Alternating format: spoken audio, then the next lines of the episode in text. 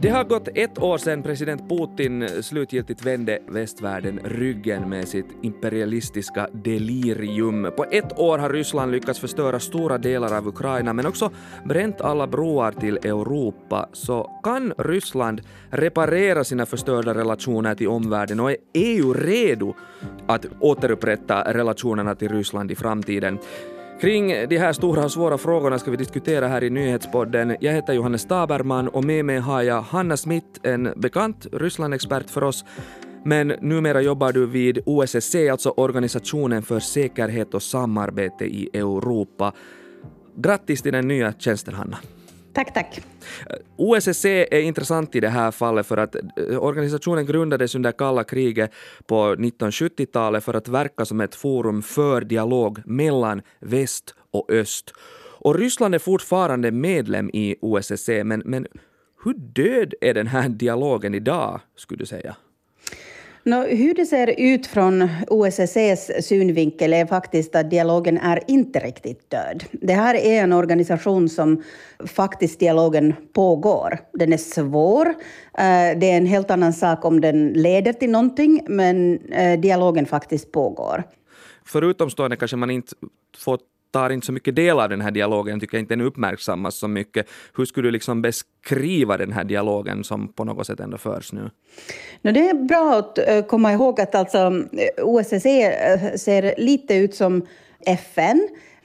Man har nästan varje vecka en sån här eh, permanent eh, råd som möter och man går igenom där olika affärer som pågår och nu för tiden alltid Ukraina är på agendan. Att EU eh, har ett enade röst där eh, som säger vad de tycker och tänker på vad har hänt på sistone i Ukraina. Och sen kan det vara liksom Ryssland och eh, Vitryssland som också säger deras synvinkel. Ukraina uttrycker deras känslor och berättar ansikte mot ansikte, så att mm. säga, situationen, vad har på sistone hänt och så vidare. Så att eh, värdet av diplomatin är ibland eh, glömt bort nästan när vi pratar om, om vad är det som händer i världspolitiken. Så att den fortfarande existerar i väldigt sådär traditionellt sätt. Och eh, ett tag, liksom tio år sedan kanske, man tyckte att men varför, varför behöver vi eh, ens en gång eh, någonting sånt? Men nu har vi märkt att sån här traditionell diplomati har faktiskt fortfarande sitt plats. Precis, så att trots att det här liksom kriget nu fortsätter i år så den här liksom diplomatiska dialogen är inte helt död. Eh, samtidigt som kriget fortsätter så, så ser vi också att sanktionerna mot Ryssland fortsätter från omvärldens håll. Många trodde att den ryska ekonomin snabbt skulle falla samman som följd av Europas enade sanktionsfront. Men på något sätt så står Ryssland ännu på fötter. vad förklarar det här? Mm. Alltså det är en riktigt bra fråga. Vi borde kanske prata lite mer om det där. Därför att um, det underliga, måste man säga nästan, var det just det där att, att man liksom väntade sig att sanktionerna skulle vara någon sorts snabb eh, lösning. Men vi har ingen exempel i världen att sanktionerna skulle ha påverkat väldigt snabbt. Mm. Och just det där att man liksom väntade sig att, uh, av, av någon konstig anledning att Rysslands ekonomi så skulle uh, rasa direkt mm. var lite liksom fel, tror jag. Därför att det tar tid. Mm. Och vi ser hela tiden nu att rysk ekonomin går värre och värre. De har alltså svårigheter hela tiden i mm. ekonomin. Framtidsutsikter är väldigt grym, men livet fortsätter. Och eh, Ryssland jobbar väldigt, väldigt hårt hela tiden för att hitta liksom sätt att eh, motverka de där sanktionerna och så vidare. Så att det här är någonting som vi måste komma ihåg. Mm. Och, och sen måste man ju också komma ihåg att hela den här europeiska energikrisen har ju räddat delvis liksom den ryska ekonomin eftersom gaspriserna har gått upp och, och, och så här. Så att Ja, visst, men, men, inte bara europeiska. Alltså att mm. det, är just precis att, att uh, Ryssland har lyckats att sälja energi. Alltså det, det att Ryssland har så mycket gas och olja. Så den, den är en viktig del såklart. Att den har någonting att sälja som alla vill ha. Men det blir hela tiden värre och värre och svårare och svårare så att säga. Även där, därför att när oljepriserna har kommit lite ner, rysk olja är inte så hög kvalitet, nu börjar man hitta väg hur, hur vi liksom i Europa kan hantera utan rysk gas och så där. Så att det blir värre och värre hela tiden. Men just det där att man hade kanske väntat att i första eller andra eller tredje vågen av sanktionerna att det skulle liksom mm, direkt få rysk ekonomin att gå sönder, så att säga. Så det tycker jag att det är en argument som kanske borde inte ha haft. Ja, det var en helt klar liksom missbedömning där, men, men hur, hur stora ekonomiska förluster tror du att Ryssland ännu tål? Det kanske är två nivån där. Så där liksom när man tittar på ekonomisk synvinkel och sen är det för samhällssynvinkel. Och just det där ekonomisk så kanske tar det ett tag till. Mm. Därför att det fortfarande finns handel ändå. Och Ryssland har hittat vägar och, och liksom vända ekonomin till lite sådär till och med krigsekonomistilen. Och man kan överleva med den ganska lång tid. Men sen är det också det här att, eh, när det gäller samhället. Mm. Och hur mycket den kan liksom tåla då när det blir värre och värre. Och det är liksom i samarbete med vad händer annars. Uh, och det där är det intressanta fråga, tycker jag i alla fall. Ja, här är ju en fråga man kan ställa sig, att hur, hur länge är liksom det ryska folket redo att, att leva i fattigdom och isolerat från omvärlden? Det är nu en mm. spekulativ mm. fråga, men den är förstås viktig att ställa. Ingen kan riktigt svara mm. eh, sådär att okej, okay, nu är det liksom ett halvår till och sen, sen mm. är det kört. Men det verkar så att ryska folket håller på att bli hela tiden mer och mer um, olycklig mm. och uh, inte nöjd. Mm. President Putin visar ändå inga tecken på att lämna makten och han verkar inte heller så där på allvar utmanas av några nya politiska krafter. Men, men, men ser du att de diplomatiska och ekonomiska relationerna kan börja byggas upp igen så länge Putin och hans regim sitter kvar vid makten? Det blir nog svårt. Eh, men jag tror att den större frågan är just det där att eh, när slutar Rysslands krig i Ukraina? Mm. Så länge som kriget pågår så tror jag inte att någonting sånt där är liksom möjligt. Att man håller just den här um, viss sorts dialog, men det är minimum som man gör tillsammans med Ryssland.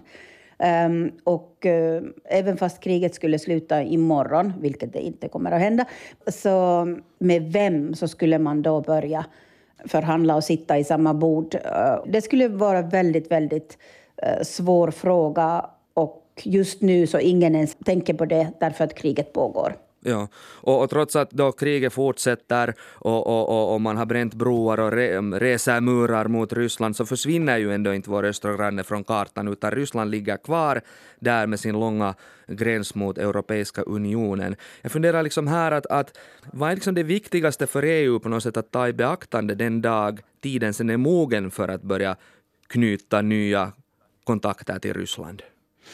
Det kanske som är den viktigaste är nästan att man håller fortfarande det synvinkel att det är ryska regimen som nu är bakom allt det här. Och eh, det finns en skillnad mellan ryska folket och ryska regimen. Även fast vi måste också se att ryska folket stöder nu regimen och kanske stöder det här kriget så länge som folket åtminstone inte går helt öppet emot, så sån här liksom tyst eh, stöd existerar. Mm. Men i den stora bilden, de två är inte detsamma.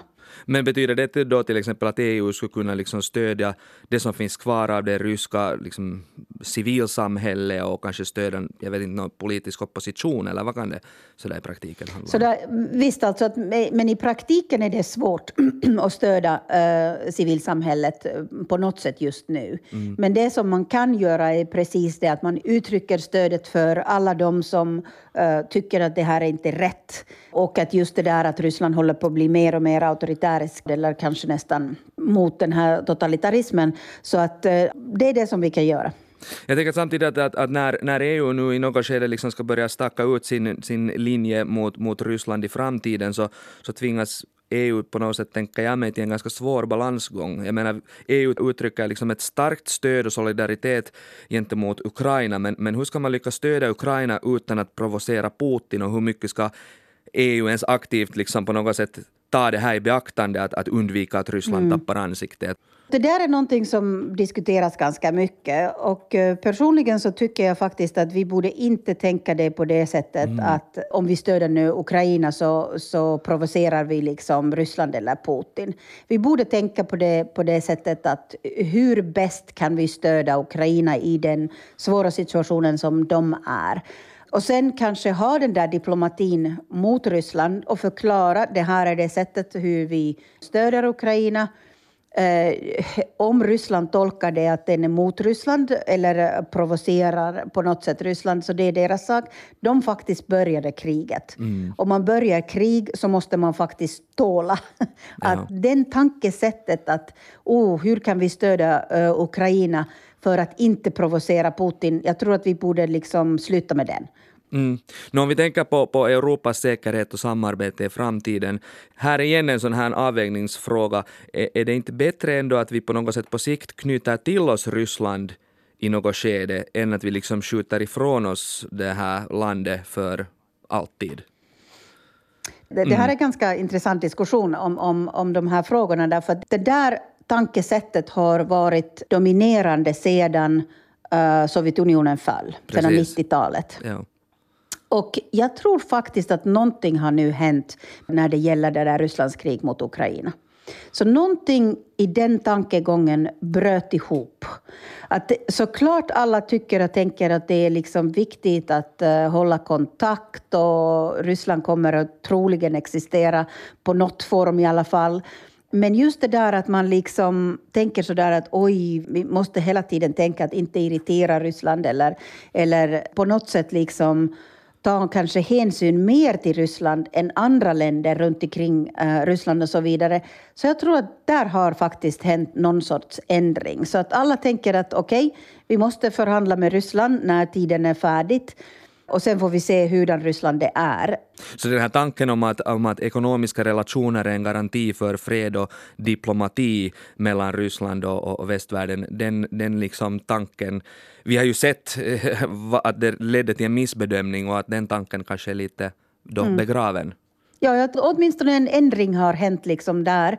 Uh, och just det där uh, att man börjar kanske betona mer om det här statssystemet. Så att så länge någon är auktoritärisk så kan man inte liksom lita på dem. Uh, att just det där att marknadsekonomi och ekonomiska förbindelser och, och så vidare, så de kanske är inte längre så viktiga än just det där att hurdant statssystem. Och om man är auktoritärisk så kan man inte riktigt lita på det och den kommer att påverka till och med allt ekonomiskt. Innan har man inte riktigt eh, tänkt på det där sättet. Det har varit viktigast att alla liksom stöder marknadsekonomin och nu, nu tror jag lite att det har skett någon sorts ändring. Vi vet inte riktigt hur långt har den gått, men, men någonting har hänt åtminstone. Nu tror du att Europas och Rysslands relationer någonsin kan återställas igen helt och hållet? No, historien säger att uh, alltid efter krig så blir det fred. Uh, så någon sorts förhållanden så kommer det hända. Men just det där att hurdana kommer de vara? Vad är den ändringen som har skett? Hur lång tid tar det att, uh, att liksom européerna kan börja lita Ryssland igen? Vad är det som händer inuti Ryssland? Det är mer frågor än svar just nu. Mm. Men kanske måste vi lita på då historien och säga att um, efter kriget så blir det fred. Och då finns det en möjlighet att, att få, få, ett förhållande. Hur det kommer att, vara, det beror på då väldigt många saker. Hur kriget slutar, vad är det inuti Ryssland, vem är det som är makten i Europa, eh, vad är det som händer annars i världen och etc. Hanna Smith, tack för den här analysen. Tack, tack. Du har lyssnat på Nyhetspodden med mig Johannes Taberman. Jonna Nupponen är producent och Staffan Sundqvist skötte tekniken. Fortsätt lyssna på oss.